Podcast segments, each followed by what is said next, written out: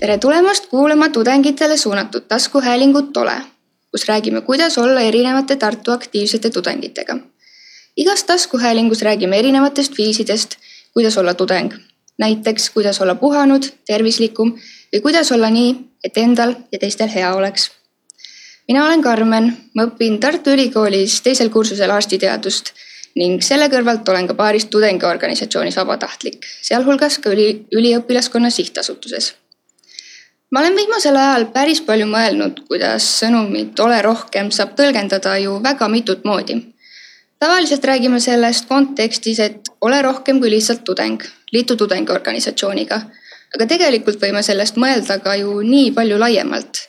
ja üheks selliseks näiteks on ka minu arvates meie tänane taskuhäälingu külaline Minna, kes lisaks ülikoolis õppimisele teeb ka väga tänuväärset tööd. tere, Minna. tere, olen siis Minna ja õpin äh, arstiteaduse neljandal kursusel ja kui siin juba tudengiorganisatsioonidest juttu tuli, siis äh, olen ka EAS-i liige, mitte küll väga aktiivne liige, aga ma olen üsna hästi kursis, mis, millega seal alati tegeletakse ja siis asukski kohe meie podcast'i peamise teema juurde täna. et räägi natukene, kus sa töötad ja kellena ja mis sa täpsemalt teed? Äh, töötan siis alates selle aasta veebruarikuust Tartu Ülikooli Kliinikumi pulmonoloogia Covidi osakonnas ehk siis kopsuhaiguste äh, Covidi osakonnas. ja töötan seal siis abiõena. Hmm. ja miks sa otsustasid appi minna? no läheks tagasi võib-olla juba isegi eelmise aasta kevadesse, siis kui äh, meil üldse see koroonakriis hakkas. Ja siis juba tekkis selline väike mõte, et äh, äkki mind läheb ka vaja varsti, et äh, siin nakatumisnäitajad suurenevad ja nii edasi. kuigi noh, praegu tagasi vaadates need numbrid ei olnud üldse võrreldavad sellega, mis need praegu on. aga ma olin juba siis põhimõtteliselt nagu enda jaoks ära mõtestanud, et kui abi läheb vaja, siis muidugi mina olen valmis minema. aga eelmisel kevadel minu abi otseselt vaja ei läinud, vähemalt keegi ei saatnud selliseid suuri kirju, et tulge appi äh, meile haiglatesse, vaid äh, siis umbes detsembris tuli meie arstiteaduse meililisti selline kiri, et äh, haiglad vajaksid abi ja et ka siis meie ülikool ehk siis Tartu Ülikool ja Tartu Tervishoiu Kõrgkool Äh, on siis äh, tegemas äh, abiõdede kiirkursust. Et siis suunata tudengid pärast seda kursust haiglatesse tööle, et neil oleks juba nagu mingisugused praktilised oskused olemas ja et nad ei peaks siis haiglas hakkama kõike esimest korda harjutama ja tegema. ja siis ma läbisin ka selle, selle kursuse jaanuari alguses ja nii ma siis pärast hiljem veebruaris hakkasingi pulmonoloogia Covidi osakonnas tööle aga räägi äkki natukene lähemalt, et mis on su peamised tööülesanded või milline su tavaline tööpäev välja näeb? Äh, no minu tööpäev tegelikult on töööö, mina päeviti tegelikult ei, töö, ei töötagi, ma käin äh, ainult öövalveid tegemas. Äh, ehk siis päevase töö kohta ma nii palju ei oska rääkida, eks seal on kõik need toitmised ja, ja muu tegevus on natukene teistmoodi reguleeritud kui öösel aga eks põhiasjad on ikkagi samad, et äh, tuleb siis jälgida patsientide elulisi näitajaid, mis tähendab siis seda, et äh, iga teatud aja tagant äh, kellel siis neli, kellel kaks korda päevas tuleb mõõta ära vererõhk, temperatuur, saturatsioon ehk siis see ligikaudne väärtus, hapniku väärtus, mis siis kehas on. Äh, ja siis äh, hingamissagedus ja mõnedel ka siis ka veresuhkur, et see on selline kindel asi, mida alati tehakse kindlatel kellaaegadel. Ja siis äh, vastavalt patsientidele, kellele mis ravimeid on vaja manustada, mis vormis, kas tabletina, intravenoosselt, teha lihassüsti, mis iganes. Ja muidugi noh, kõik siis dokumenteerida elektroonilisse haiguslukku ja siis tegeleda ka noh, üleüldiselt osakonna korrashoiuga, et selles mõttes kõik ravimid oleksid alati olemas ja kättesaadavad ja kõik vahendid oleksid olemas. Ja muidugi noh, kui uus patsient tuleb, siis äh, temaga vestelda, et mis kaebused tal praegu on, mis tema kaasuvad haigused on, mis tablette ta võtab, milline tema taust üldse on, selles mõttes, et äh, see anamneesi pool siis võtta ja siis noh, sellist õetööd praktilisemalt ka teha, et ma ei tea, panna kanüüli ja võtta verd ja, ja nii edasi. aga ma tean, sa oled eelnevalt haiglas ka töötanud, et kuidas see praegune Covid üheksateistkümne osakonnas töötamine erineb su varasemast haigla töökogemusest? Äh, juba selle poolest, et patsient, patsiendid olid äh, täiesti erinevad, kuna ma töötasin eelmise aasta suvel abiõena Tartu Ülikooli lastekliinikus ägedate infektsioonide osakonnas, siis äh, oli see, on see vanusevahe võib-olla kõige suurem erinevus, ma arvan. aga ja noh, ägedate infektsioonide osakonnas ikkagi sarnasus on selles mõttes olemas, et praegu ma tegelen ka infektsiooniga ja seal ma tegelesin ka infektsioonidega. aga jah, selles mõttes äh, on ikkagi kogemus täiesti erinev, ütleme nii, et äh, ka need äh, kolleegid, kellega ma näiteks praegu töötan, enamuses on ikkagi abiõed, mu enda kursakaaslased, kasvõi väga head sõbrad. Äh, ja siis noh, lastehaiglas olid juba kogenud kolleegid, kes on seal ikka aastakümneid töötanud ja kellel oli nii palju lugusid rääkida ja nii palju õpetada. et kasvõi selle kollegiaalse poole pealt oli, oli erinev see kogemus, aga, aga jah, patsiendid äh, muidugi praegu ma töötan ju ikkagi pigem vanemaealistega üldiselt, et noh, muidugi meil on ka seal noh, neljakümnesed, viiekümnesed, aga ütleme enamjaolt on ikkagi patsiendid seal seitsmekümne, kaheksakümne eluaasta juures. Jah, et see vanuseline pool on tõenäoliselt nagu kõige suurem ja siis vastavalt sellele need suhtlus ka sealt, äh, kui on lastega pidid suhtlema, siis tavaliselt sa pidid suhtlema nende vanematega ka veel lisaks. nii et, äh, et jah. aga kuidas sellega on, et praegu sa ju ikkagi näed päris palju väga raskes seisundis patsiente. kuidas sa sellega toime tuled? no ma olen enda jaoks ära mõtestanud selle, et ma võib-olla ei tohiks kõike nagu väga isiklikult võtta ja, ja tegelikult tööl olles sul ei olegi nagu aega võib-olla kõike nii isiklikult võtta, et sa oled tööl, sa tead, et sa pead need asjad ära tegema. sa tead, et sa pead enda poolt nagu kõik andma, et, et sinu tegevus oleks võimalikult kasulik patsiendile, et sa aitaksid tema tervenemisele kaasa, et äh, selle kõrvalt nagu enda emotsioonidele võib-olla nii palju ruumi ei jää, et võib-olla need emotsioonid tulevad siis välja, kui, kui lähedki pärast vahetust äh, koju ja siis tahaks, ma ei tea, puhata, aga, aga ikkagi järsku tulevad need äh, mõtted sealt valvest meelde. aga, aga eks muidugi vahepeal on olnud ka selliseid äh, patsiente, kes äh, nagu koheselt, kui sa nendega tegeled, et siis nad mõjuvad natukene äh, raskelt ja, ja noh, muidugi kõige halvem ongi see tunne, kui sa kui sa saad aru, et sul ei ole tegelikult rohkem enam mitte midagi seal siinjuures teha, et sa oled äh, noh, kõik äh, arsti korraldused ära täitnud, ise oled patsiendi jaoks olemas, aga aga nagu rohkem ei ole midagi sul, sul võimalik teha selle patsiendi jaoks. ma küsin ikkagi sellise küsimuse ka, et kas sa tunned, et nüüd praegu haiglas töötamisega on su tulevikuperspektiiv kuidagi muutunud, et kas sul on näiteks ühtepidi suurenenud soov kindlasti haiglas töötada ka pikalt tulevikus või pigem, kuna sa näed praegu seda nii rasket olukorda, et siis sul on äkki tekkinud hoopis selline vastupidine äh, kuidagi mingi refleks, et, et sa äkki ei tahagi sinna haiglasse enam nii palju minna või et kas on mingi selliseid mõtteid tekkinud? nii, sel nagu niipidi neid mõtteid ei ole tegelikult äh, tekkinud, pigem äh, pigem ma olen võtnud seda kui õppeprotsessi osa kohati. et ühel hetkel ma pean nii või naa haiglasse minema ja, ja seal sellesama mõttega seoses ma olen ka käinud juba alates esimese kursuse suvest nagu igal suvel tööl. et äh, läksin pärast esimese kursuse suve näiteks Iru hooldekodusse, olin seal hooldaja terve suve siis äh,. et saada mingisugune kogemus ka nende, noh, nad ei ole seal patsiendid, nad on seal kliendid. et äh, ka täiesti selliste eakate inimestega, kes enam iseendaga väga hakkama ei saa, et kuidas nendega tegutseda on ja siis pärast teist kursust ma läksin siis hooldajaks äh, sinna samasse lastekliinikusse, ägedate infektsioonide osakonda. ja siis olin seal ka abiõena, töötasin. et äh, minu meelest on selle õppe jooksul praktika omandamine ka ikkagi väga oluline. ja, ja ma võtan praegu ka seda tööd enda jaoks kui nagu seda praktilist kogemust oma teoreetilise õppe juurde. aga nüüd tulekski siis äh, ülikooli juurde, et sa käid nii ülikoolis kui tööl korraga. kuidas sa saad nende kahega korraga hakkama ja kas sa tunned, et ülikool on vastutulelik tööl käimise osas? praegusel juhul tundub asi päris hästi minevat mul, et äh, kool ja töö on üsna hästi tasakaalus, et ma käin poole kohaga siis öövalvetes tööl.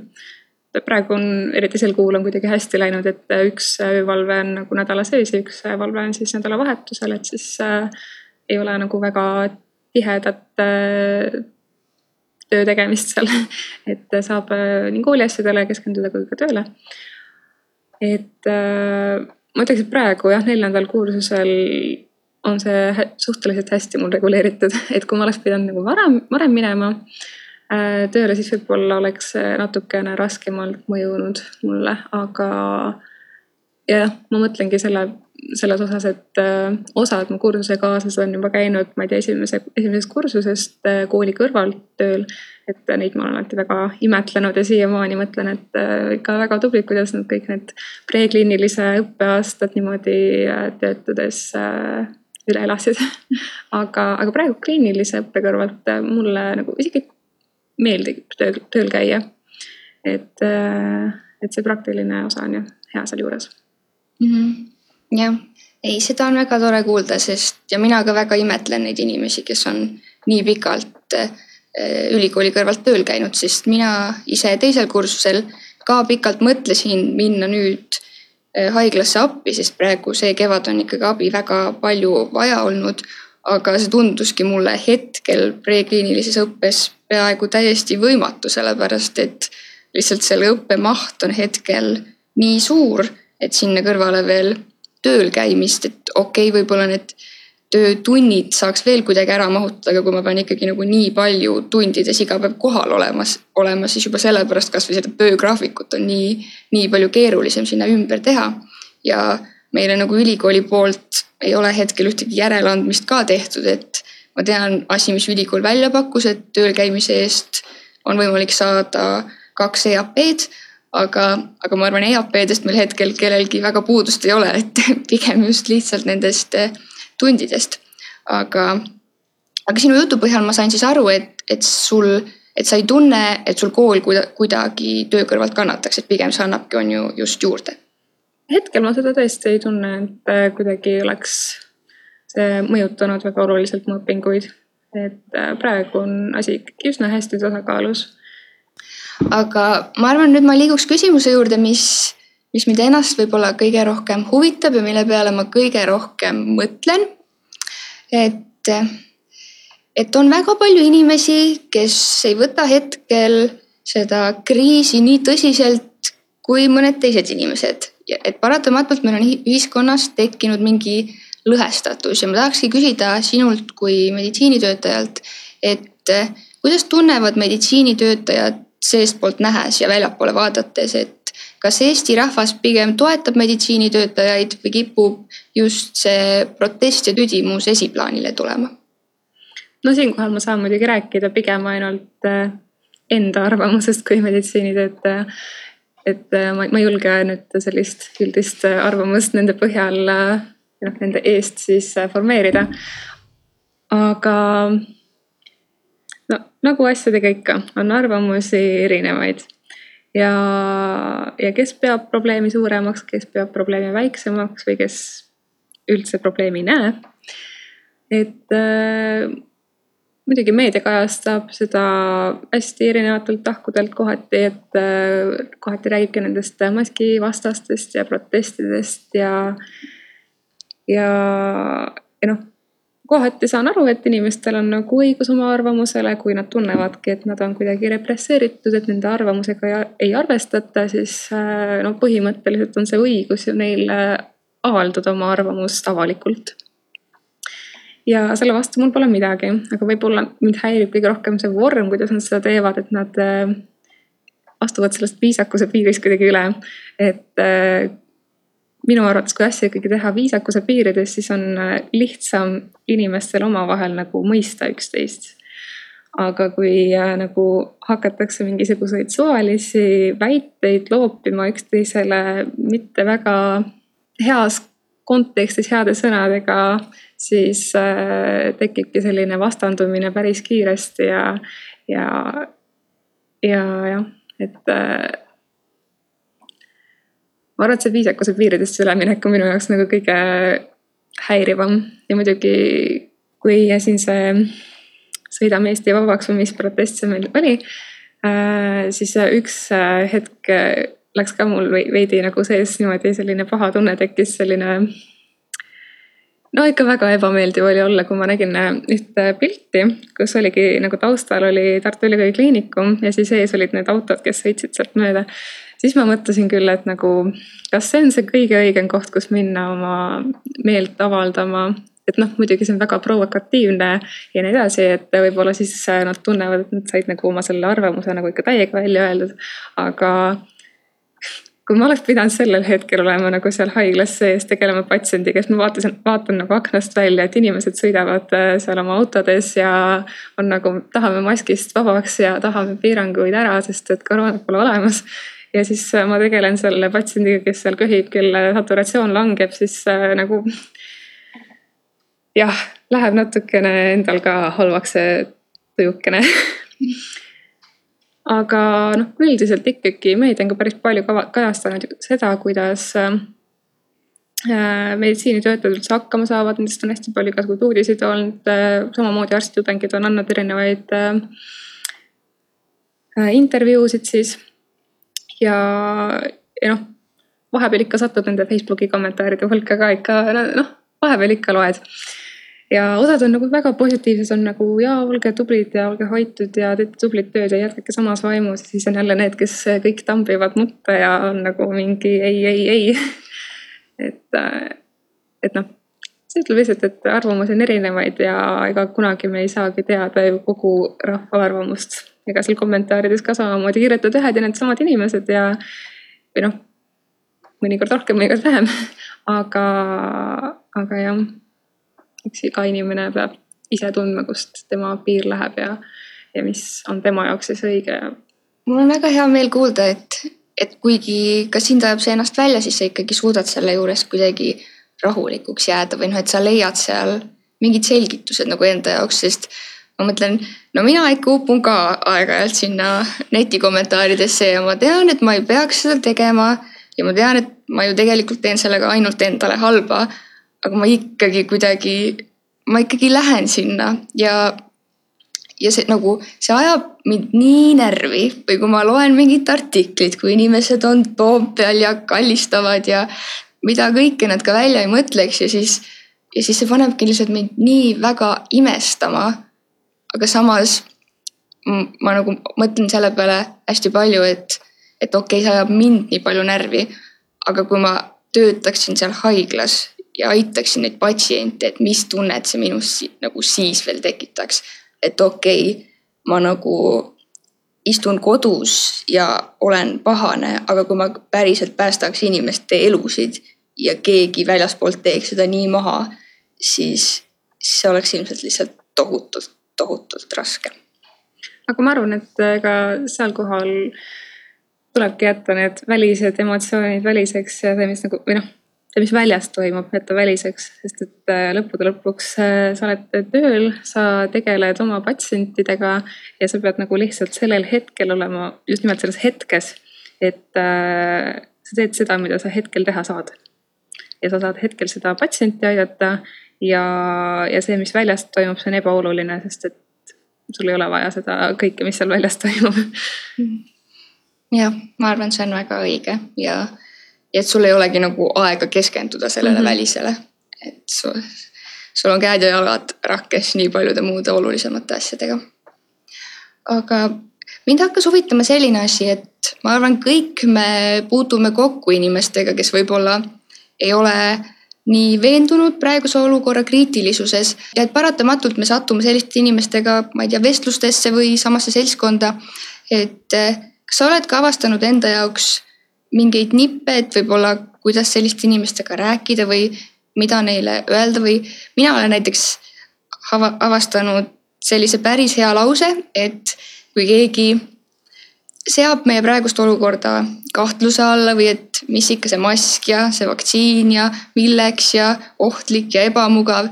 et siis, et siis mulle meeldib nendelt inimestelt küsida, et aga kuidas sina seda pandeemiat lahendaksid? ja tavaliselt nad ei tule väga millegi hea peale, et see aitab neil kuidagi nagu tihti endal ka näha, et okei okay,, nad, nad vinguvad, aga tegelikult ju meil ei ole väga palju muid lahendusi ja nad tegelikult teavad seda, et kas võib-olla sul on ka tekkinud selliseid mingeid mõtteid, mida sulle meeldib selliste inimestega jagada? ma ütleks, et see lause, mis sa ütlesid, see tundub päris hästi toimivat, ma isegi praegu mõtlesin, et kui ma nagu paneksid ennast nüüd selle vastasleeri olukorda ja mult küsitakse selline küsimus, ega siis ma jääks ka veits tummaks ikka. nii et äh, nii head lauset ma ei ole veel vastanud aga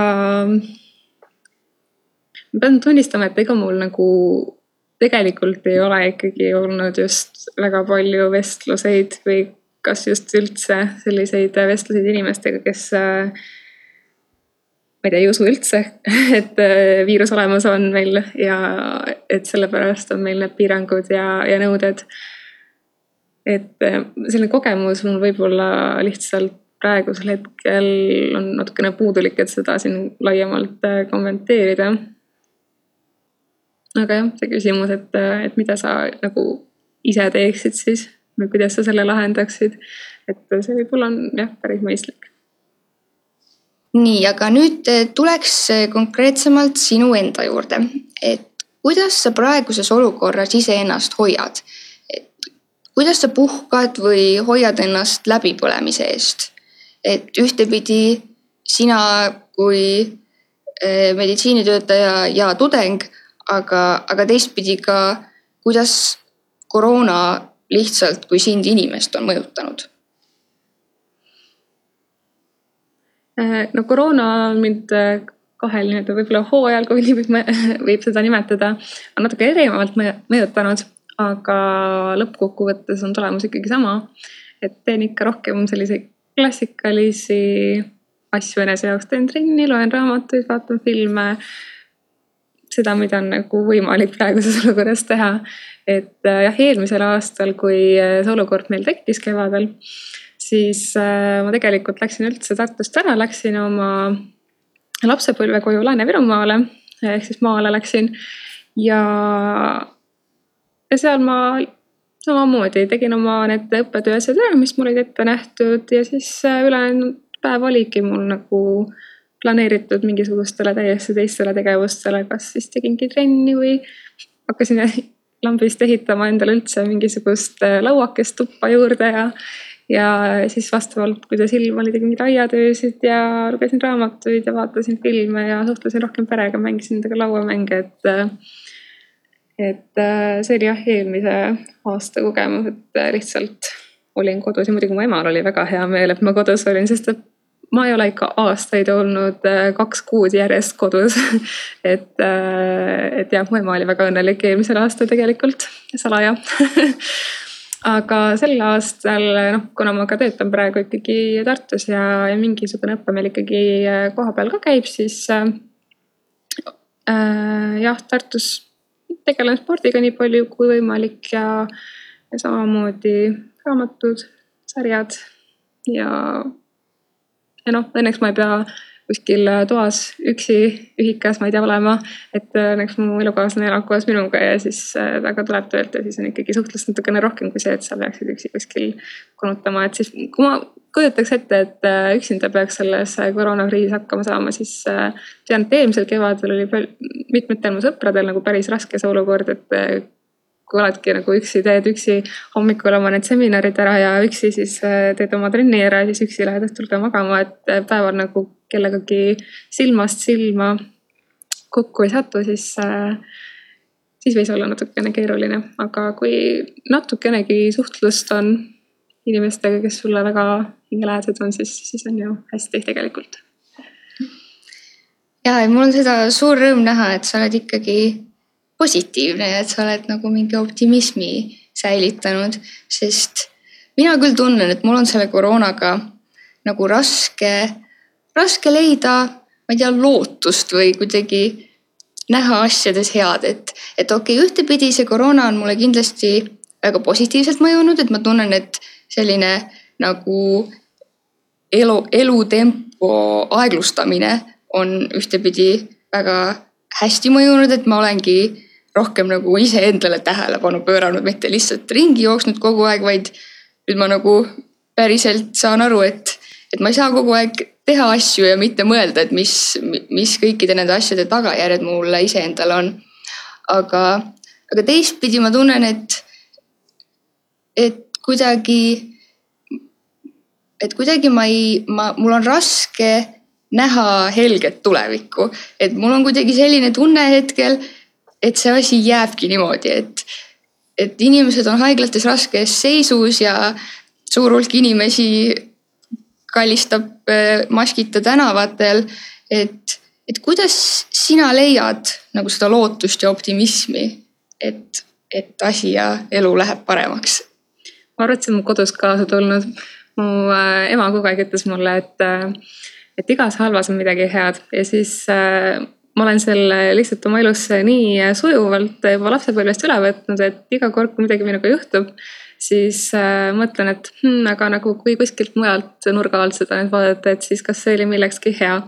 või kas ma saaksin seda kuidagi teistmoodi enda jaoks lahti mõtestada. näiteks, tea, üleeile pidin äh, minema ühele kohtumisele, kus ma nagu väga ei tahtnud minna, ma tahtsin, noh, ega ma pole seal nagu väga oluline ka, et põhimõtteliselt võiks puududa aga noh, ma ikkagi võtsin oma ratta ja hakkasin sõitma ja siis mul läks kumm katki ja siis ma mõtlesin, et noh, ma teadsin, et see kumm läheb nagunii üks hetk katki, ma pean selle ära parandama ja väga hästi, et see siis praegu läks, ma ei peagi sinna koosolekule minema ja ma lähen hoopis keeran otsa ringi ja lähen oma rattaparandusse.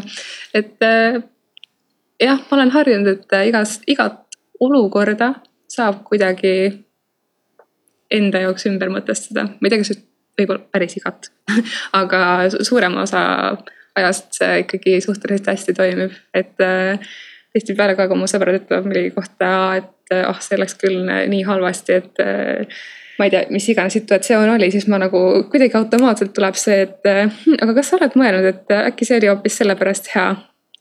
et ja siis nad on nagu mingi noh, tegelikult jah, eks kuule vist on jah. et ma arvan, et jah, see on kodus kaasa tulnud mul lihtsalt seda on nii tore kuulda, sellepärast et minu ema on mulle terve elu ka sedasama lauset tegelikult öelnud. ja ma tegelikult väga nagu nõustun sellega ja mõistan seda ja, ja osadele oma elu nagu osadele suudan seda väga hästi rakendada. aga, aga eks see jah, paratamatult ma tunnen, mul tuleb natukene ka tagantjärgi, et, et ma hiljem näen, et igas asjas on midagi head ja tegelikult see oli väga kasulik, aga, aga eks see, eks see ole nagu endale natuke raskem, et kui sa oled selles olukorras sees ja sa tead, et üks hetk see hea tuleb, aga sa seda veel ei näe, et praegu on ainult ainult see raskem osa. aga, aga ma tegelikult, tegelikult ma näen seda, et ma arvan kindlasti, et, et iga asi on millekski kasulik ja igast asjast saab midagi õppida. ja ma olen, ma olen ka nõus sellega, et võib-olla jah, alati sel hetkel mm, -hmm. hetkel ikka vahepeal need emotsioonid keevad üle ja sa oled ka ikkagi vihane ja pahane ja või kurb või mis iganes sa oled, aga, aga siis pärast sa seedid seda asja natukene ja siis, siis mõtestad asja enda jaoks paremini lahti. aga siis ma küsiks sellise küsimuse, et sina oled hetkel väga suureks abiks, et ma arvan, eesliinil töötamisest hetkel midagi suuremat ja tähtsamat ei ole. aga, aga enamik inimesi ilmselt ei lähe haiglatesse praegu appi, aga mis sinu arvates oleksid nüüd need viisid, et kuidas inimesed saaksid teisi hetkel kuidagi aidata? ma arvan, et ega see aitamine tegelikult äh, hetkel olekski see, et nad lihtsalt järgiksid neid piiranguid, äh, mida valitsus on pannud ja isegi noh, kui nüüd need äh, piirangud peaksid siin leevenema lähiajal, et siis nad ei unustaks seda, mis just oli, et, et piirangud leevenevad, et nüüd lähme igale poole poodidesse shoppama ja teeme oma suured peod nüüd. et võtaksid asja ikkagi rahulikumalt, et tasahaaval, et noh, võib küll poodi minna, aga, aga sa ei pea seda kohe esimesel päeval tegema, et. et võtta aega, seedida seda ja mõtelda, et tegelikult noh, ma ei tea, kas mul on kohe praegu vaja ikka minna seda ja teha, et ma saan muidugi aru, inimesed on olnud, ma ei tea, kodudes ja on olnud äh, oma sõpradest, sugulastest eraldatud ja nii edasi. aga jah, tark ei torma. nii et äh, mõelda enne oma tegevused läbi ja ikkagi siis äh, toimida vastavalt äh, nagu tunduks, et oleks õige, et äh, rahulikult. ja, ja samamoodi, et äh, inimesed ikkagi äh, tegeleksid endaga, kui neil praegu see võimalus on äh,. mõtleksid rohkem oma tervise peale. toituksidki tervislikult, teeksid ise oma söögid, kui neil see võimalus praegu on, näiteks ongi kodus. ei ole see, et noh, ma ei tea, Wolti on küll tore tallida, aga seda ei peaks väga tihti tegema ja ma ei teagi, õppida enesega kuidagi paremini koostööd tegema. jah, ja ma ei tea, minu arvates oleks ka hästi oluline inimestele eh, meenutada, et nad ei ole üksi, sellepärast et mina küll tunnen, mul on hästi palju tekkinud seda tunnet, et, et ainult mina tunnen ennast nii halvasti või ainult mina ei saa asjadega hakkama või ainult, ainult minu jaoks on see kuidagi nii keeruline ja koormav ja teised kuidagi tunduvad kaugelt, et elavad nagu oma normaalset elu lihtsalt isoleeritumalt, aga, aga tegelikult ju ikkagi selline elukorraldus mõjutab meid kõiki, aga lihtsalt, kui sa oled üksi oma nelja seina vahel, siis sul tekib selline tunne, et kõik teised saavad hakkama. aga ainult minu jaoks on see selline elumuutus eh, nii raske. Ja tegelikult on ju ikkagi nagu nii palju viise teiste inimestega suhtlemiseks, et kasvõi videokõned või, või noh, nüüd juba kevade poole õues jalutamised või ükskõik mis asjad. et ma arvan, et see on nagu hästi oluline, et inimesed päriselt räägiksid, et et kõigil on praegu raske ja, ja et keegi ei ole üksi, sest mina tunnen küll, et mida rohkem ma olen inimestega jaganud oma muresid ja mida rohkem teised inimesed on jaganud mulle oma muresid, et tegelikult hakkab kergem, sest, sest suur osa kuidagi sellest koormast on ikkagi see, et, et ainult mina ei saa hakkama, et kõigil teistel nagu sujub. et minu meelest see, see on ka hästi-hästi oluline ma ei tea, kas sa oled selle peale ka mõelnud, aga noh, on hästi palju erinevaid selliseid sotsiaalseid kampaaniaid, et kus tunnustatakse eesliinitöötajaid ja tulevad mingid videod ja plaksutamised ja ma ei tea, kõik mis asjad. aga et mis on kõik väga toredad ja mul on hea meel, et inimesed teevad midagi ja tahavad näidata oma äh, tänu, aga sina kui eesliinitöötaja, et kas sa oled ka ise mõelnud, et mis oleksid mingid sellised asjad, mida inimesed võiksid teha eesliinitöötajate toetamiseks, mis teile päriselt ka nagu kasulikud oleksid, et okei okay,, jah, sa tõid selle välja, et et päriselt pidage piirangutest kinni ja püsige kodus, aga aga et jah, et neid kampaaniaid minu meelest järjest enam tuleb juurde, näiteks praegu Terviseametil on mingi vaktsineerimise kampaania, kus mitmed inimesed siis tänavad oma vanemaid, et nad on neid kunagi vaktsineerinud, mis on minu meelest hästi tore ja tundub, et võiks olla ka päris mõjus. aga et kas sa oled selle peale ka mõelnud, et milliseid näiteks kampaaniaid võiks olla või, või midagi sellist? ma arvan, et ma olen selles kampaaniate väljamõtlemise ideedes, idees kuigi tugev. et äh, see vaktsineerimiskampaania, noh ma ise ilmselgelt äh, pooldan vaktsiine, olen ise ka vaktsineeritud ja, ja minu meelest noh, muidugi on oluline nendest vaktsiinidest rääkida, aga ma saan muidugi ka aru inimestest, kes juba peavad seda, et appikene lõpetage ära, ma ei jõua enam seda vaktsiini juttu kuulata, et seda tuleb äh, uksest ja aknast ja, ja palun ärge lämmatage mind selle infoga. aga noh, samas on ikkagi oluline inimestele, kes võib-olla ei ole selle teemaga nii väga kursis ja ikkagi on oluline sellest rääkida, vaktsiinist üleüldiselt. ja muude kampaaniate koha pealt ma tegelikult ei oskagi hetkel väga öelda, kas ja kui palju meditsiinitöötajad nagu peavad neid vajalikeks ja, ja kas nad tunnevad selle kaudu nagu päriselt tänu, et ma ei oska siin kõigi, kõigi kohta seda tõesti välja tuua, et mida nagu meditsiinitöötajad sellest arvavad, aga aga ma millalgi sattusin peale ühele väga huvitavale Facebooki üritusele ähm, kui siin vahepeal oli, et sõidame Eesti vabaks, siis see Facebooki kampaania vist oli, et istume Eesti vabaks. ja, ja väga vahva, mulle tundus, et seal kaanepildiks oli vist, ma ei tea, kas see oli Tartu Ülikooli Kliinikumi äh, äh, erakorralise meditsiini osakonna töötajad, kes istusid seal põrandal. ja, ja nagu minu meelest see idee on juba väga lahe, et see, kampaania või üritus või mis iganes see lõppkokkuvõttes on, see tundus väga cool olevat minu jaoks, jah nii, sinuga on olnud väga tore vestelda ja nüüd me olemegi jõudnud meie saate viimase küsimuseni, mida me küsime kõikidelt oma külalistelt ja millele iga külaline saab vastata täpselt enda, enda soovide järgi.